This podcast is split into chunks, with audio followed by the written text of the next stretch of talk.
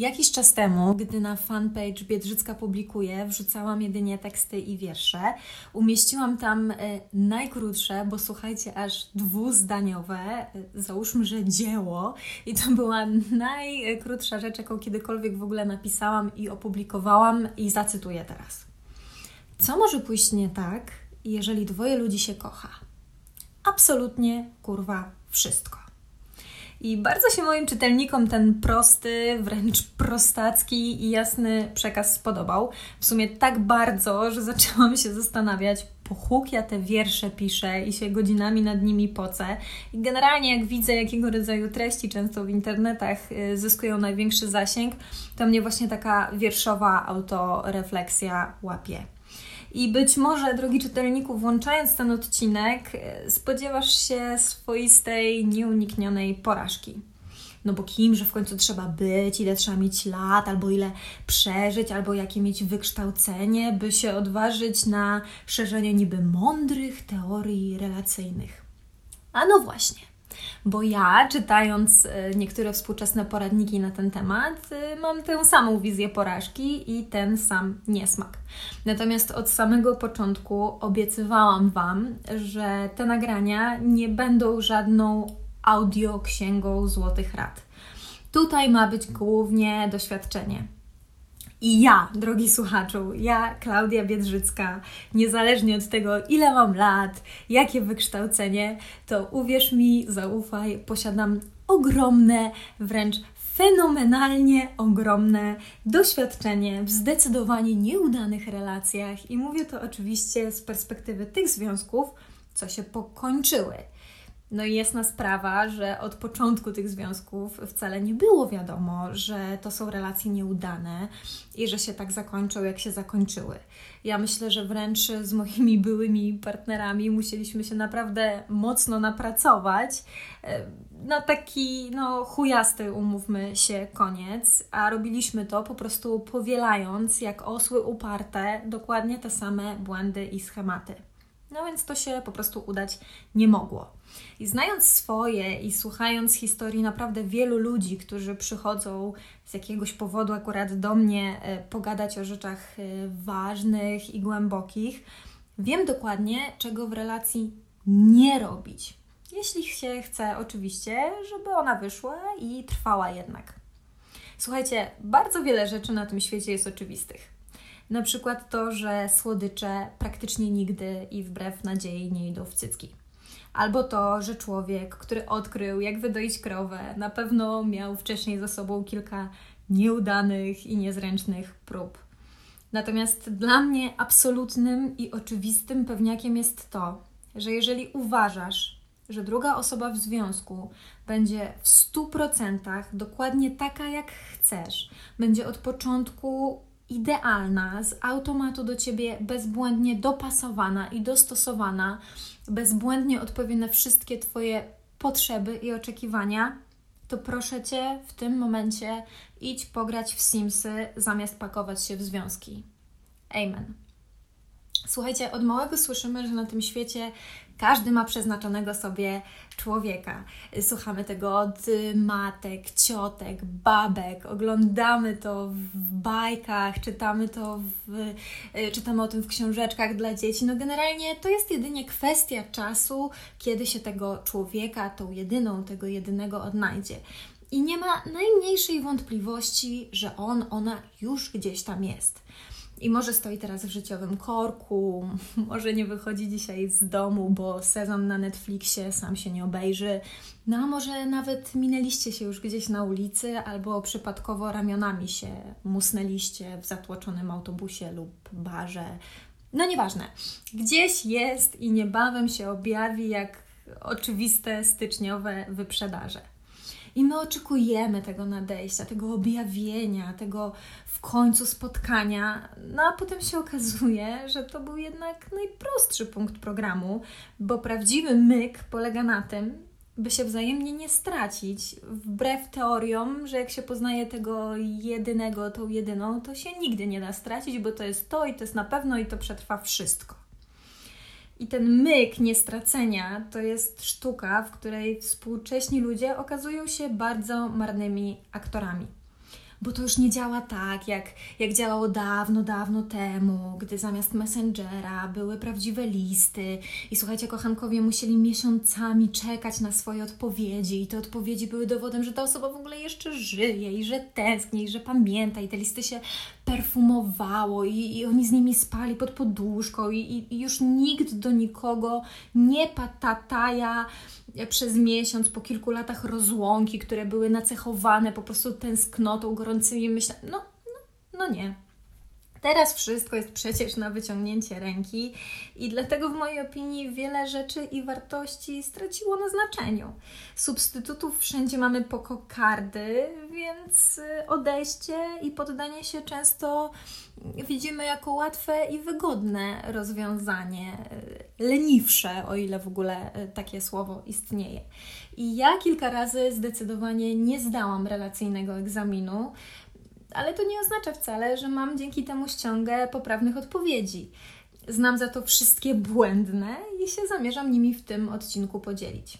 Wiadomo też, że rozpad relacji to jest y, wina obopólna, więc proszę tutaj nie zrozumieć, że ja się właśnie samobiczuję i mówię do mikrofonu ubrana we włosienicę, albo że się będę żalić, czy dramę rozpętam, bo w ogóle nic z tych rzeczy. Natomiast zacznę od rzeczy, która tak naprawdę ma w sobie trzy rzeczy.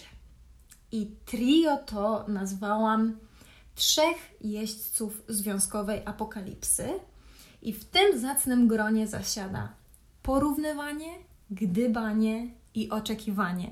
I tak, i myślę, że można już brew unosić, bo dychę daje, że no niemalże każdy, ale każdy to zna. I słuchajcie, my sami to sobie zrobiliśmy. Zwróćcie uwagę, że jesteśmy wręcz bombardowani obrazem idealnej, cukierkowej miłości rodem z typowej komedii romantycznej. Budujemy sobie obraz związku, w którym gorące, płomienne wiadomości nigdy nie przeobrażają się w zwykłego SMS-a o treści kup sraj na przykład. I kiedy związek kończy ten swój etap naiwnego i idealnego zakochania, podczas którego budujesz już po prostu pomnik tej swojej drugiej połówce, bo jest tak cudownie i och, i ach, kiedy się wdziera pierwsza rutyna i spokój, wtedy zazwyczaj w jednym z partnerów y, pojawia się tych trzech jeźdźców, no i oni sieją ferment.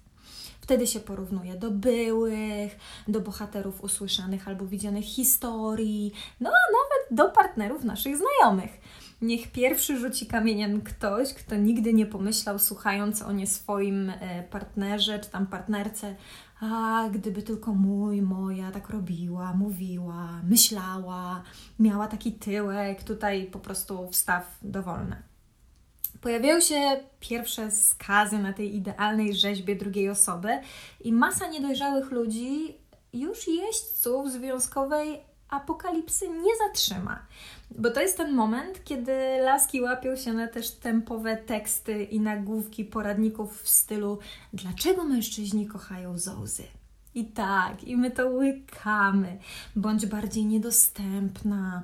Powinnaś być dla niego wyzwaniem. Sprowokuj go wyglądem. Poolewaj go trochę. Nie odpisuj. No i w ten magiczny sposób e, się okazuje, że ludzie zamiast uczyć się ze sobą rozmawiać, zaczynają uczyć się gierek i zaczynają się od siebie oddalać. No i potem wchodzi gdybanie, no bo przecież łatwiej jest sobie burdel w głowie zrobić, niż się ze wstydu spalić, otworzyć przed kimś, ujawnić swoje uczucia, zadać kilka pytań, czy poopowiadać o swoich obawach. No, w poradnikach piszą, że wystarczy być niedostępną. Gdyby mu nie zależało to, gdybym nie zrobiła tego, tamtego to, albo on nie zrobiłby, nie, nie powiedziałby, gdyby. No więc tak sobie porównujemy, gdybamy, a potem łapiemy się na czymś, co było w nas tak naprawdę od początku, no ale przecież na początku nie było się czym martwić i czym przejmować, bo początki zawsze są piękne, więc zauważamy to dopiero teraz. I to są oczekiwania. I one występują odnośnie niemalże wszystkiego. No i dramat się w którejś ze stron zaczyna nakręcać, gdy się okazuje, że my oczekiwaliśmy zupełnie innej odpowiedzi, innej reakcji, innego orgazmu, innej wspólnej aktywności, innego okazywania uczuć. No bo przecież w filmach i książkach i na Instagramie, no to, to ta miłość idealna wygląda zupełnie inaczej, no i tam nie trzeba rozmawiać, tam się wszystko samo dzieje i w ogóle jest tak pięknie, no a u nas nie jest, więc coś nie gra. Jeżeli jesteś na tym etapie, to istnieją dwa scenariusze. I by zobrazować Ci ten pierwszy, zadam Ci teraz pytanie i proszę bądź ze sobą szczery. Czy kiedy pierwszy raz widziałeś scenę seksu, yy, załóżmy w wyreżyserowanym pornosie albo w jakimś filmie, który przez przypadek jako dzieciak czy, czy nastolatek gdzieś tam przyuważyłeś, widziałeś pierwszy raz, jak na filmie uprawiają seks, no a potem przyszedł ten pierwszy wyjątkowy dzień i doszło do Twojego pierwszego razu faktycznego. Czy to, co zobaczyłeś na filmie, pokryło się z tym, jak faktycznie ten Twój pierwszy seks wyglądał? No bo szczerze wątpię. No, a czy to spowodowało, że przestałeś uprawiać seks? No również wątpię.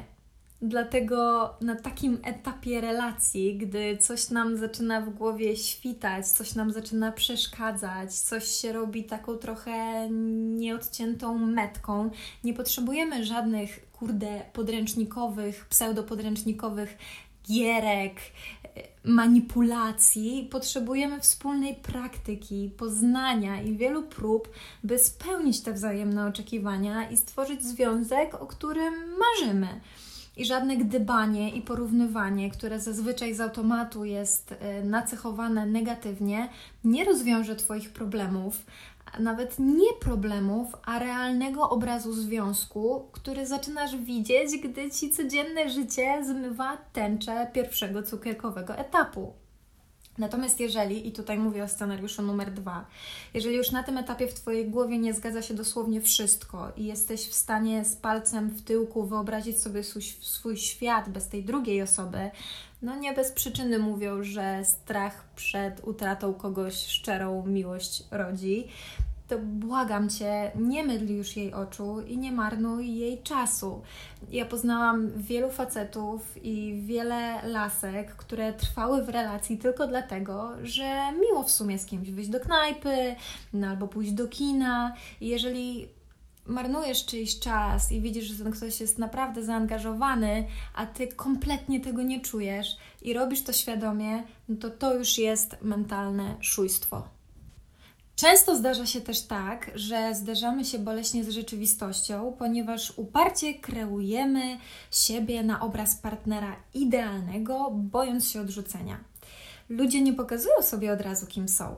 I żaden facet nie jest toksycznie zazdrosny od pierwszych wspólnych chwil, ani żadna laska nie robi afery o pierwsze schlanie się z kumplami aktorzymy, dopóki się już nie da ukryć naszej prawdziwej e, natury i najczęściej jesteśmy motywowani strachem. Według mnie, niezależnie od tego, jak cukierkowo i pięknie się od początku układa, nie znasz drugiej osoby, dopóki nie zobaczysz jej chorej, wkurwionej, pijanej, przemęczonej, po pierwszej Twojej odmowie i po pierwszej wspólnej podróży, bo te rzeczy pokazane i otwarte przed drugim człowiekiem, one budują bliskość. Ona się zadziewa wtedy, kiedy wychodzi na jaw, że kobiety też puszczają wiadomo co i że twój facet układa sobie dłużej włosy niż ty w ogóle ogarniasz całą depilację i make-up w pakiecie. Słuchajcie, jesteśmy tylko i aż ludźmi. Jesteśmy wadliwi, mamy swoje historie, mamy swoje bagaże emocjonalne, przez które czasami w niektórych emocjonalnych kwestiach jesteśmy ułomni i bardzo, bardzo różni. Dlatego piękno prawdziwego związku polega na tym, że nawet jeżeli nie lubisz czyichś cech czy wad, doprowadzają cię do szału i po prostu uruchamiają w tobie wszystkie czerwone guziczki, ale ty go kochasz i nie chcesz go stracić i chcesz z nim być, to musisz je zaakceptować, bo masz brać tego człowieka takim, jakim jest. Natomiast jeżeli chcesz kogoś nieustannie zmieniać, to powtórzę się, idź pograć w Simsy, albo najlepiej zacznij od zmiany siebie, ale o tym będzie zaraz.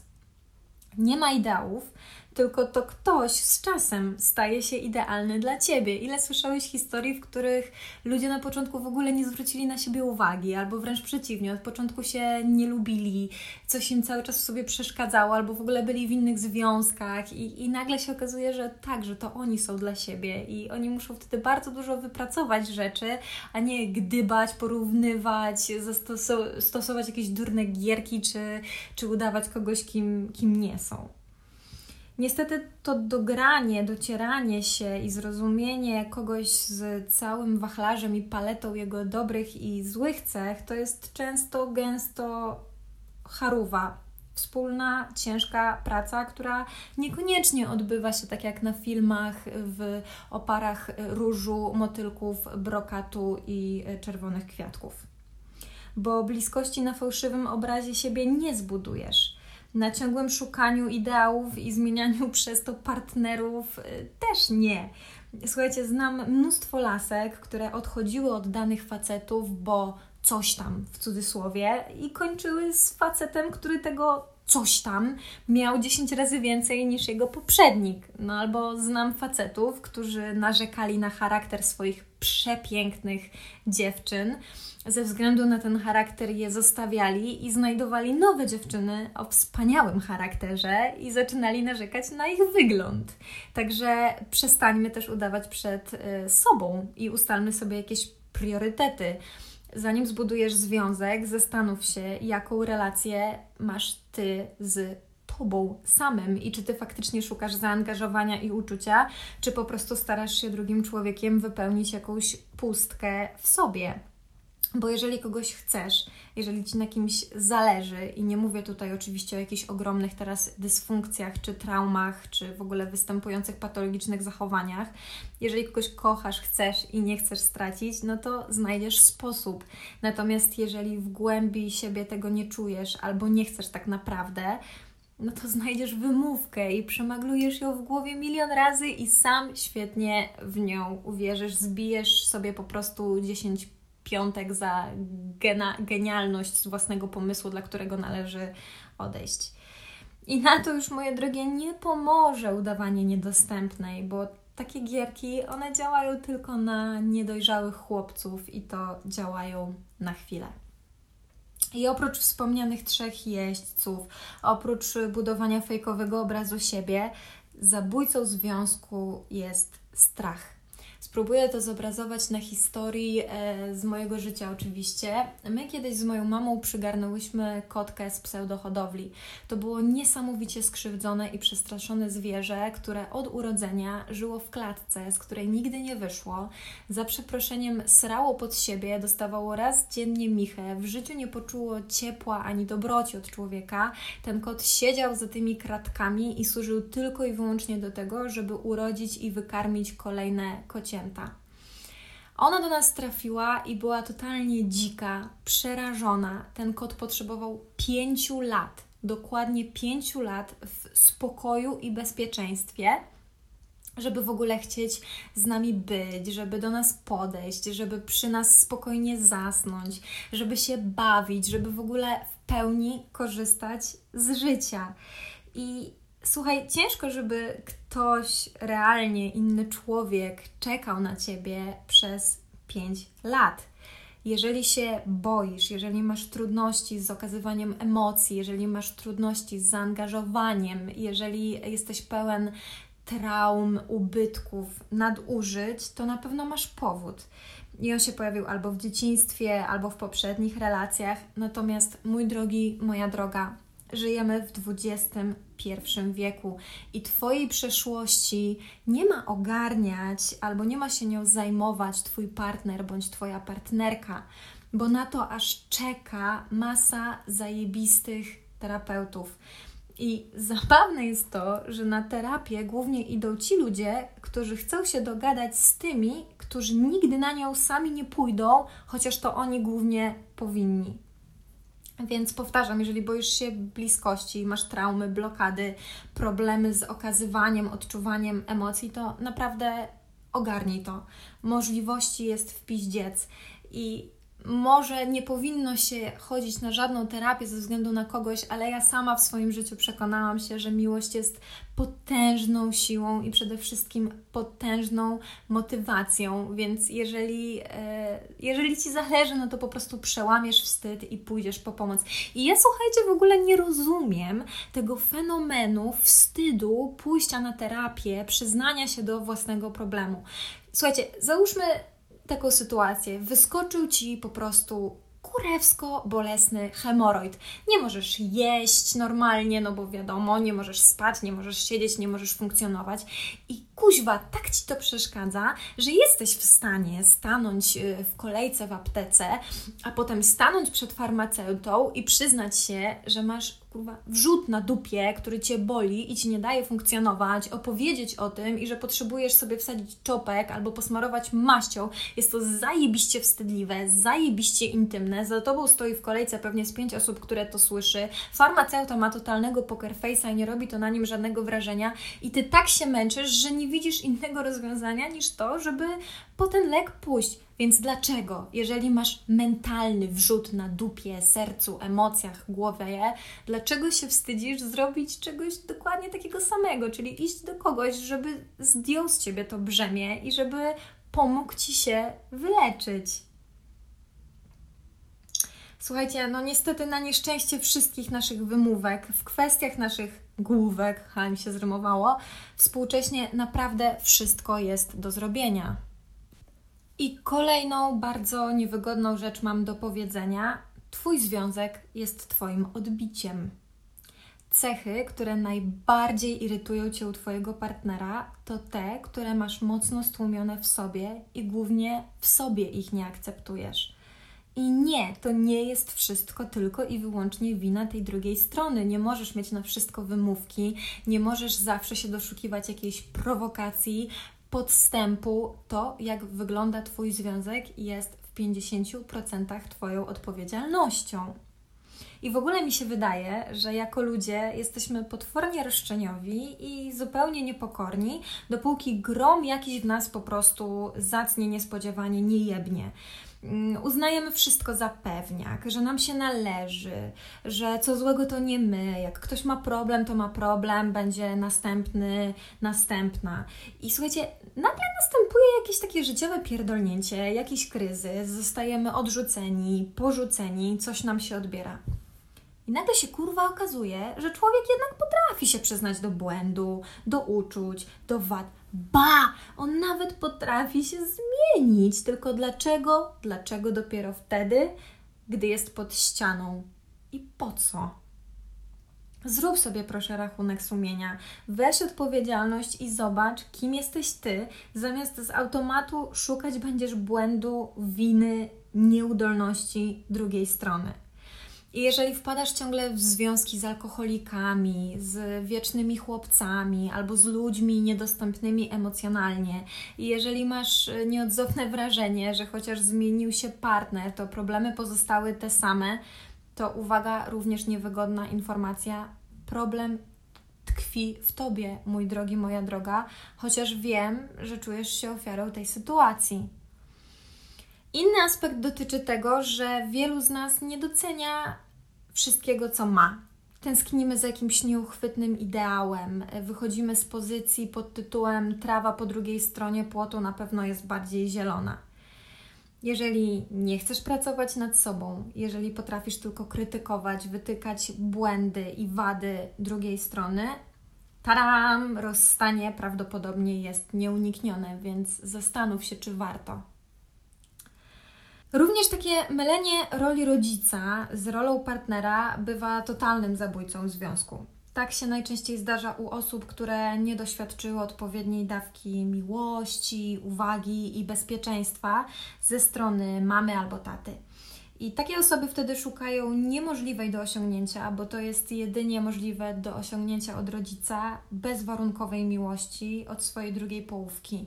I Was też, kochani, odsyłam po pomoc, tak samo jak osoby, które wpadają po prostu w wir niefortunnych związków z osobami uzależnionymi, niedostępnymi, niedojrzałymi. Odsyłam Was po pomoc, bo znam Wasz ból doskonale. I uwierzcie mi, że nie warto tak cierpieć, bo swoje już wycierpieliście. Natomiast w mojej opinii najgorszym dla związku, najgorszym, co się może przytrafić dwójce zakochanych w sobie ludzi, i to już nie będę tutaj wypominać jakichś y, toksycznych przeszłości czy dysfunkcji, najgorsze to jest coś, co ja nazywam supłem. Takim zjednoczeniem. I tutaj mówię o sytuacji, w której dwoje ludzi tak się scala ze sobą, że przestają być dwiema osobnymi jednostkami, a choćby skały srały, niezależnie od tego, jak świetnie są dobrani, nigdy nie będą idealni. Byłam kiedyś na takich warsztatach, na których pokazano nam przykład właśnie takiego niezdrowego scalenia, supła. Załóżmy, że wyobraź sobie, że masz przed oczami dwie e, sznurówki, trzymasz je u góry i one są takimi luźnymi e, linkami wiszącymi w w, pozycji równoległej do siebie. I one biegną cały czas obok siebie i one biegną bardzo, y, y, bardzo luźno i, i bardzo blisko siebie. W momencie, w którym ktoś zaczyna wywierać na kimś za duży wpływ, manipulacje, którym ktoś jest toksycznie zazdrosny, albo w momencie, w którym ktoś wymaga stuprocentowego Twojego czasu, Twojej uwagi i zaczynacie być dla siebie jedynymi e, osobami na Ziemi, to test te sznurówki zaczynają się plątać, zaczyna się robić supeł i w momencie, w którym którakolwiek ze stron zaczyna ciągnąć w prawo albo w lewo, to ten supeł się zacieśnia i on jest w pewnym momencie już kompletnie nie do rozplątania.